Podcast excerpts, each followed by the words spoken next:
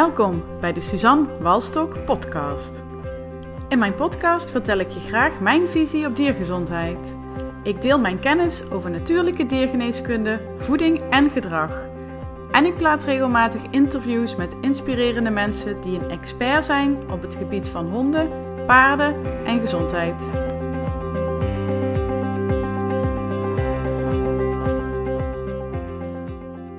Hey, wat leuk dat je luistert. Dit is de vierde aflevering van mijn podcast. En vandaag heb ik een interview met gedragsdeskundige Mirjam Dekkers van hondenschool Wenona.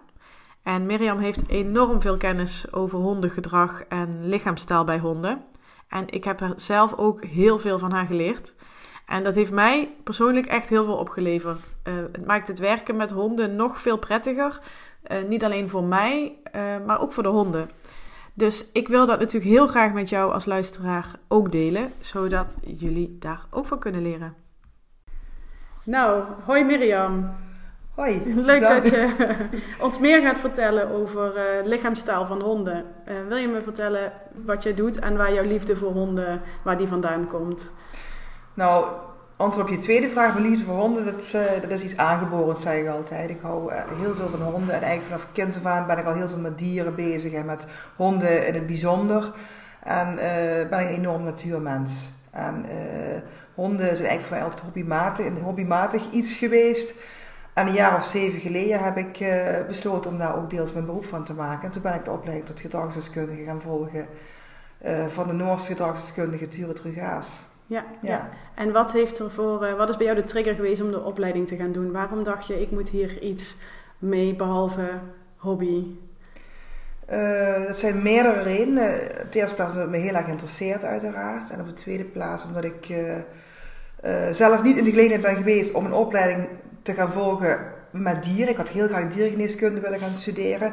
Dat is de omstandigheden niet gelukt toen ik uh, de leeftijd daarvoor had. En uh, voor je het weet uh, zit je dan al twintig jaar op kantoor en denk je van ja, is dit nou eigenlijk wel wat ik wil? Ja. Uiteindelijk is mijn eerste bruin Newfoundlander Floortje de grote reden geweest om deze opleiding te gaan volgen. Floor was, ze is inmiddels al anderhalf jaar geleden overleden, een fantastische Newfoundlander, maar met heel veel gedragsproblemen naar andere honden toe. En uh, ik kwam er eigenlijk maar niet achter waar het vandaan kwam. Maar ik wist dat het niks verkeerds in haar karakter was. Ik wist gewoon dat er een reden was waarom zij zich zo gedroeg. En, dat, en daar wilde ik erachter komen. En dat is de reden waarom ik uh, deze opleiding ben gaan doen. Ik wilde, ik wilde haar begrijpen, ik wilde ja. haar snappen, ik wilde haar taal leren. Ja. En uiteindelijk bleek het een medische achtergrond te hebben, medische uh, oorzaak daar aan de grondslag lag. En dan zijn we in de slag gegaan en hebben we heel veel bereikt. Ja, ja, ja. ja want dat zeg je, ja, je wilde de lichaamstaal, je wilde de taal leren van, ja. uh, van de honden wat ze bedoelden. En wat heeft het jou gebracht om die lichaamstaal van die hond goed te begrijpen? Uh, het allerbelangrijkste is dat ik de honden ben leren, ben leren gaan begrijpen. Hè? Dus niet vanuit een, een, een dominantie of vanuit, zoals het vaak, uh, vaak gezegd wordt, of vanuit een overheersing. Maar ik wilde gewoon begrijpen hoe zij met elkaar communiceren. En ook hoe zij naar ons toe communiceren. En wat die taal betekent. En ja. ik ben erachter gekomen dat dat heel vaak verkeerd geïnterpreteerd wordt door mensen. Dat de signalen die zij afgeven of gebruiken vaak een hele andere betekenis hebben in onze mensentaal. Of ja. in onze mensen lichaamstaal ook. Ja.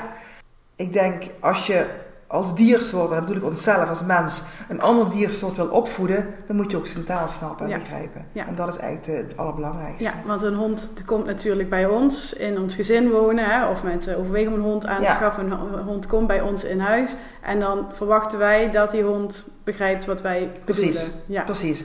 Mensen hebben de rare eigenschap om juist die dierlijke of die natuurlijke elementen die dichtst bij hem staan. Dat is dan de hond dan wel het dier bij uitstek dat heel dicht bij de mens staat, of die heel dicht bij de mens staat, om die ook zoveel mogelijk te willen kneden naar iets wat, wat wij prettig vinden.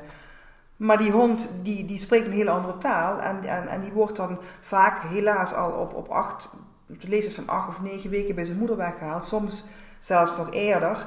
En dan, uh, uh, dan gaan wij op onze manier gaan hem opvoeden. En wij begrijpen niet wat hij bedoelt en hij begrijpt niet wat wij, wat wij bedoelen. En daar, daar leg je al vaak de basis voor gedragsproblemen. Want wat voor problemen kunnen daaruit ontstaan? Waar moet ik dan aan denken?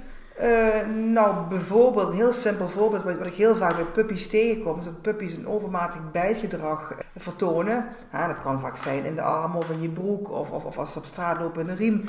En dan, zeg, dan komen mensen bij mij en zeggen: Mijn hond heeft bijtgedrag, heeft, hè, die, die, die bijt heel veel. En Ja. in de praktijk blijkt dat vaak overprikkeldheid te zijn. De hond gewoon dat er te veel van het hondje gevraagd wordt van die pup. En de moeder zou in het nest zou dit gedrag op een hele goede manier corrigeren. Ja. Niet zoals wij het corrigeren, maar als de moeder dat moet corrigeren. Met name in, eh, in, die, in die zesde, zevende, achtste week van, van, de, van de nestperiode leert de moeder hoe een pup zijn tanden mag gebruiken. En Ja. juist op die leeftijd halen wij hem vaak bij de moeder weg. Ja. En daar gaat het dan mis. Ja, dat is wel interessant. Ja. Ja. want mensen komen dus met een gedragsprobleem. Mijn hond bijt in de riem of in andere mensen of in eh, spullen. Ja. Ehm, en, en dat gedragsprobleem is eigenlijk een natuurlijk gedrag wat, op een, wat niet op een natuurlijke manier wordt opgelost. of Precies, wordt- wordt, precies, eh, ja. Oké. Want voor, voor wie is het belangrijk om de lichaamstaal van een hond te begrijpen? Ehm, ja, voor mensen met een hond neem ik aan, mensen met een hond Ja. in huis. ja. Voor wie zou het nog meer interessant zijn, eh, vind jij, om, eh, om de lichaamstaal te begrijpen? Ik vind dat iedereen die of een hond heeft of op welke manier ook met honden werkt of omgaat. Dus dat kunnen dierenartsen zijn, dat kunnen dierenartsassistenten zijn, dat kunnen keurmeesters op een show zijn. Dat, eh, dat kunnen eigenlijk alle mensen die op wat voor manier ook met honden omgaan, zouden het basis, de basis van het natuurlijk gedrag van honden moeten beheersen. Ja, ja, Want eh, er gaat heel veel mis in de praktijk. Heel Ja, veel mis. ja. Meer dan dat we denken. ja. Ja, ik werk natuurlijk ook met honden en ik, ik heb ook verschillende praktijken gewerkt. Ik zie wat, hoe, hoe mensen en ook collega's met honden omgaan. Ja. Ehm, ja, dat, dat is wel, als je dit begrijpt, wat de, de lichaamstaal van de Mhm. hond, kun je het voor in eerste, sta, eh, eerste plaats voor de hond prettiger maken Ja, en daarmee dus ook voor jezelf. Ja, je gaat echt communiceren met je hond in Ja. plaats van commanderen. En dat vind ik een hele belangrijke eh, eh, uitspraak. commanderen in plaats van commu- communiceren in plaats van commanderen, sorry. Ja, Ehm, dat is heel belangrijk. Wat je vaak ziet, bijvoorbeeld een heel simpel voorbeeld bij dierenartsen. die gaan een hond behandelen en die hangen over een hond heen. Of die doen, doen handelingen met de hond die die hond heel spannend vindt. Maar die, hond, die, die, die dierenarts is daar helemaal niet van bewust. nee. Als je de lichaamstaal van de hond iets beter kan lezen, en je ziet bijvoorbeeld dat een hond eh, op een bepaalde manier met zijn ogen kijkt, of, of, of, of ja, we noemen dat tongelen, hè, met zijn, met zijn tong bijvoorbeeld heel snel over zijn, over zijn lippen eh, likt. Hm. Dat is een, een, een, een, een, eh, een stresssignaaltje op dat moment, maar dat wordt vaak niet als zodanig herkend. Ja, Dus als een dier als dat zou herkennen, zou die bijvoorbeeld leren dat even door de hurken gaan en naast die hond knielen in plaats van eroverheen hangen, al een wereld van verschil voor die hond zou betekenen. ja, ja. Dat zijn hele kleine, maar hele belangrijke dingen. Ja. En dat zie je eigenlijk bij alle mensen die met, met honden werken. Ja, want je werk wordt ook gemakkelijker als je met een hond werkt, in Ja. plaats van dat je iets van die hond wil of moet of Ja. gedaan wil krijgen. Als je het, als je het samen kunt doen, dan Ja. is het voor beide partijen. Precies. eh, en dan is een eventueel volgend dierartsbezoek ook minder Ja. onprettig voor een hond. Ja. Dus dat is, eh, dat is een voorbeeldje. Ja, ja, ik ben blij dat jij daar als deskundige zoveel eh, kijk op hebt. Eh, het heeft mij in ieder geval heel veel geleerd. En op deze manier kunnen we zo- zorgen dat heel veel mensen dit begrijpen. Want Ja. Ehm, is het moeilijk om lichaamstaal van de hond te begrijpen? Is het iets wat je, is het een gave die je moet hebben of kan iedereen dit leren? Ehm, nou ja, goed, je moet er wel een klein beetje feeling voor hebben. Maar ik denk dat heel veel mensen dit kunnen leren. Mhm. In mindere of meerdere mate. Ja. ik bedoel, om echt alles te zien, dat, dat lukt mij zelfs vaak niet. Want soms volgen de signaaltjes zich heel snel achter elkaar op. Hè? Dus je hebt soms, dus nooit dat een hond één signaal geeft, maar het zijn vaak meerdere opeenvolgende signalen die de hond afgeeft. En die, eh, eh, ja, die weerspiegelen dan zijn, zijn, zijn gemoedstoestand of zijn stress of zijn Mhm. emotie. Ehm, dus daar heb je wel wat eh, ervaring voor nodig eh, om dat echt te gaan zien. Maar simpele dingen als, ja, als je over een hond heen hangt bijvoorbeeld en de hond ja, krimpt een klein beetje in elkaar. Dat zien heel veel mensen niet. Hè? Honden worden heel vaak over een bolletje geaaid. Vinden, dat mensen Mm. denken dat honden dat fijn vinden. Dat vinden ze niet fijn. Dus als je dat al zou kunnen zien, Ja. dan heb je al heel veel gewonnen. Of als je al zou kunnen zien dat een hond het niet prettig vindt als je recht op hem afloopt, maar in een boogje om hem heen loopt. Dat zijn kleine dingen, die kan iedereen leren. ja, kijk, op het moment dat een hond zijn tanden laat zien of begint te grommen, dan, weet, dan weten wij mensen wel dat hij het niet prettig vindt. Maar dan heb je al heel veel signaaltjes je- gemist. ja, ja. Dan heb je heel veel gemist als dat gebeurt. Grommen is, is ook geen agressie, want daar wordt ook heel veel, er is ook heel veel verwarring over. Grommen is puur, wij noemen dat een afstandsvergrotend signaal. De hond zegt eigenlijk van, ik vind het te spannend, haal mij uit deze situatie, help mij.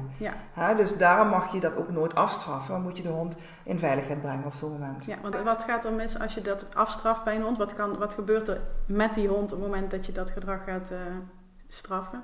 Ehm, nou ja, goed, ehm, we lopen al een klein beetje eh, vooruit op, op de echte taal van de hond. Eh, de, de taal van de hond bestaat uit een aantal soorten signalen. Ja, de afstandsvergrotende, Ja. daar komen we dus ook uitgebreid Ja. op terug. De afstandsvergrotende signalen, dat zijn de signalen waar de meeste verwarring over is. Omdat het heel vaak wordt verward met agressie. En denk dan bijvoorbeeld aan grommen, aan borstelen. Dus een hond een, de haar op zijn rug overeind heeft staan. Eh, maar ook snappen of een beetje bijten hè, Mhm. of, of, of heel hard blaffen. Dat zijn allemaal afstandsvergrotende signalen. Mhm. Ehm, zou je die signalen afstraffen, ja, van tegen ons zeggen dat mag je niet doen, of echt corrigeren, dat wordt heel veel gedaan, ook in reguliere scholen, dat honden worden gecorrigeerd voor grommen en andere honden, dan durft de hond op een gegeven moment niet meer te zeggen van ik, ik vind het spannend, Mhm. hè, dus die gaat die signalen achterwege laten en gaat misschien de volgende keer meteen uitvallen. Dus eigenlijk wordt een hond dan Ja, meer onberekenbaar omdat hij Ja. niet meer ja, aangeeft waar. eh, ja.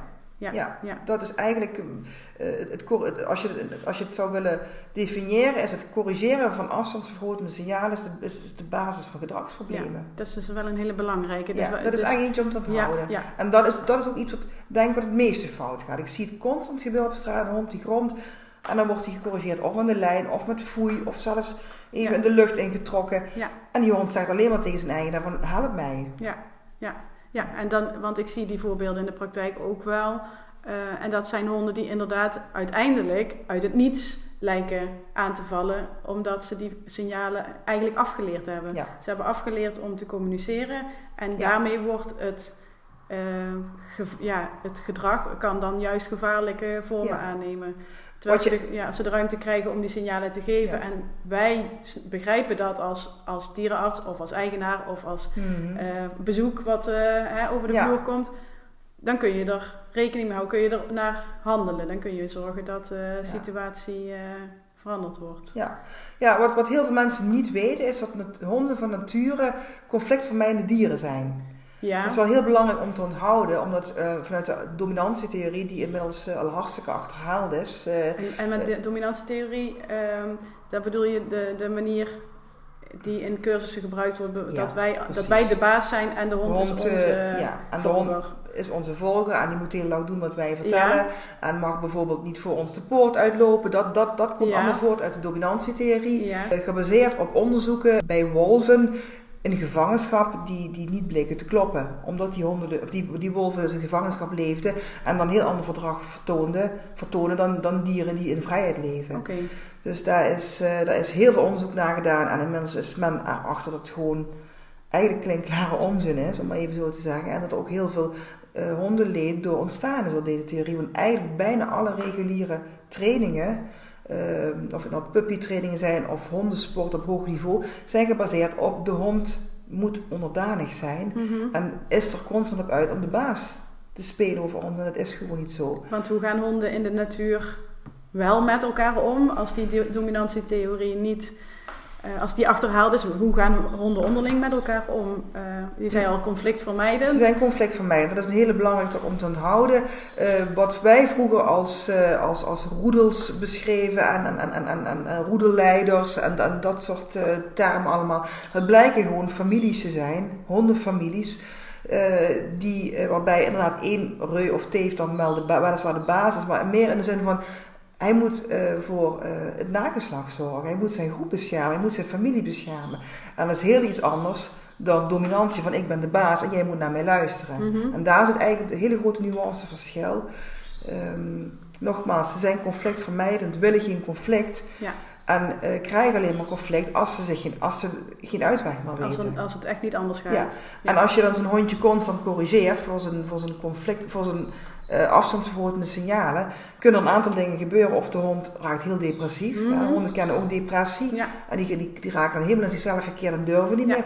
Of de hond gaat eh, de aanval in. Ja. Ja. Dat Ja, zijn dat dan eigenlijk, de, dat zijn eigenlijk de heel simpel gezegd de opties. want wat je zegt, honden die helemaal in zichzelf gekeerd zijn. Ik, zie, ik kom ze in de praktijk ook geregeld tegen. Dat zijn honden die niks verkeerd doen. Maar je ziet in de blik van hun, ze, ze zijn er eigenlijk niet. Ze, Nee, zijn, nee. ze, ze staan apathisch voor zich uit te kijken. Ja, Ze gaan helemaal eh, bevroren op slot. ja. Dat zijn niet de honden die uiteindelijk gaan aanvallen, maar het is geen wenselijk, wenselijke situatie. Het is wel iets alarmerends. absoluut. Ja, maar wat waarschijnlijk tenminste als dierenarts en ook misschien als eigenaar ook minder snel, denk ik, herkend wordt en als probleem bestempeld nee, wordt. Nee, mensen die, die, die, die, die um, nou, dan wordt al heel vaak gezegd van ja, maar mijn hond is ontzettend gelukkig, want hij luistert heel erg goed en is heel gehoorzaam. En ik vraag me af, is een hond die heel gehoorzaam is ook echt zo gelukkig? Mm -hmm. Ja, ik bedoel, je moet jezelf voorstellen als je de hele dag moet luisteren. Als je de hele dag door commando's krijgt van ga in je mand en wacht met eten wat ik zeg dat je mag gaan eten. Of nu moet je gaan slapen, nu moet je rustig zijn, nu moet je spelen. Nu... Daar word je zelf heel ongelukkig van. Tenminste, ik zou daar heel ongelukkig van worden en ook heel onzeker van worden. Ja. Of je wordt heel opstandig, of je wordt heel onzeker. Nou, dat laatste zie je vaak gebeuren. Dan heb je hele gehoorzame honden die gewoon geen enkele eigen mening meer hebben. En geen enkel, uh, uh, ook belemmerd worden in hun ontwikkeling, in het, het ontwikkelen van een probleemoplossend vermogen of volwassen worden of wat dan ook. Die honden die, die zijn een marionet van ons. Ja, ja dat wil ik net zeggen, met machinetjes of robotjes. Zijn machinetjes. en dan, dat, dat vind ik dan wel heel apart, want mensen zeggen heel vaak, god, mijn hond is mijn beste vriend. Maar als ik zo met mijn beste vrienden om zou gaan, dan hield ik niet zoveel vrienden over. Ja. dus dus ik hou heel erg van honden die gewoon hond mogen zijn. En die ook een eigen natuurlijk gedrag mogen ontwikkelen. En, en daar zie je ook vaak bij honden met probleemgedrag, dat daar ook de basis ligt van hun herstel. Terug naar natuurlijk gedrag, terug, terug naar een eigen ik. En vanuit daar weer zelf mogen beslissen. Want wat is erg omdat je nooit zelf iets mag beslissen, ja. vind ik. Ja, dat je continu verteld wordt wat je, wat je doet en wanneer en hoe je het doet. Zoals je hebt kunnen horen is het dus super belangrijk om de lichaamstaal van de hond te kennen en te herkennen. Dat is eigenlijk voor iedereen belangrijk. En voor iedereen die een hond heeft of met honden werkt, is het wat mij betreft een must. Maar ook voor mensen die bijvoorbeeld bang zijn voor honden. Want je komt namelijk altijd wel een keer in een situatie terecht waarin je in contact komt met uh, honden. Dat kan buiten zijn, op straat of uh, bijvoorbeeld op bezoek. En als je in die situatie weet wat je wel of vooral niet moet doen, dan kan je dat enorm helpen. Mirjam, ik wil je heel erg bedanken voor het delen van al je inzichten en je kennis. Tijdens het interview heb je al gehoord dat wij hier nog veel langer over door kunnen praten. Want er is nog zoveel meer te leren over gedrag. En Mirjam en ik hebben daarom eh, besloten om samen een online training te maken over lichaamstaal zodat iedereen het kan leren en iedereen zijn hond ook beter gaat begrijpen. En zoals Mirjam in het interview al vertelde, kun je dan echt de overgang maken van uh, commanderen naar communiceren. Binnenkort zal deze cursus beschikbaar zijn via mijn website uh, suzanwalstok.nl. En als je op mijn website nu inschrijft voor de nieuwsbrief, uh, dan hoor je als allereerste wanneer de cursus online staat. Nou, bedankt voor het luisteren en tot de volgende podcast.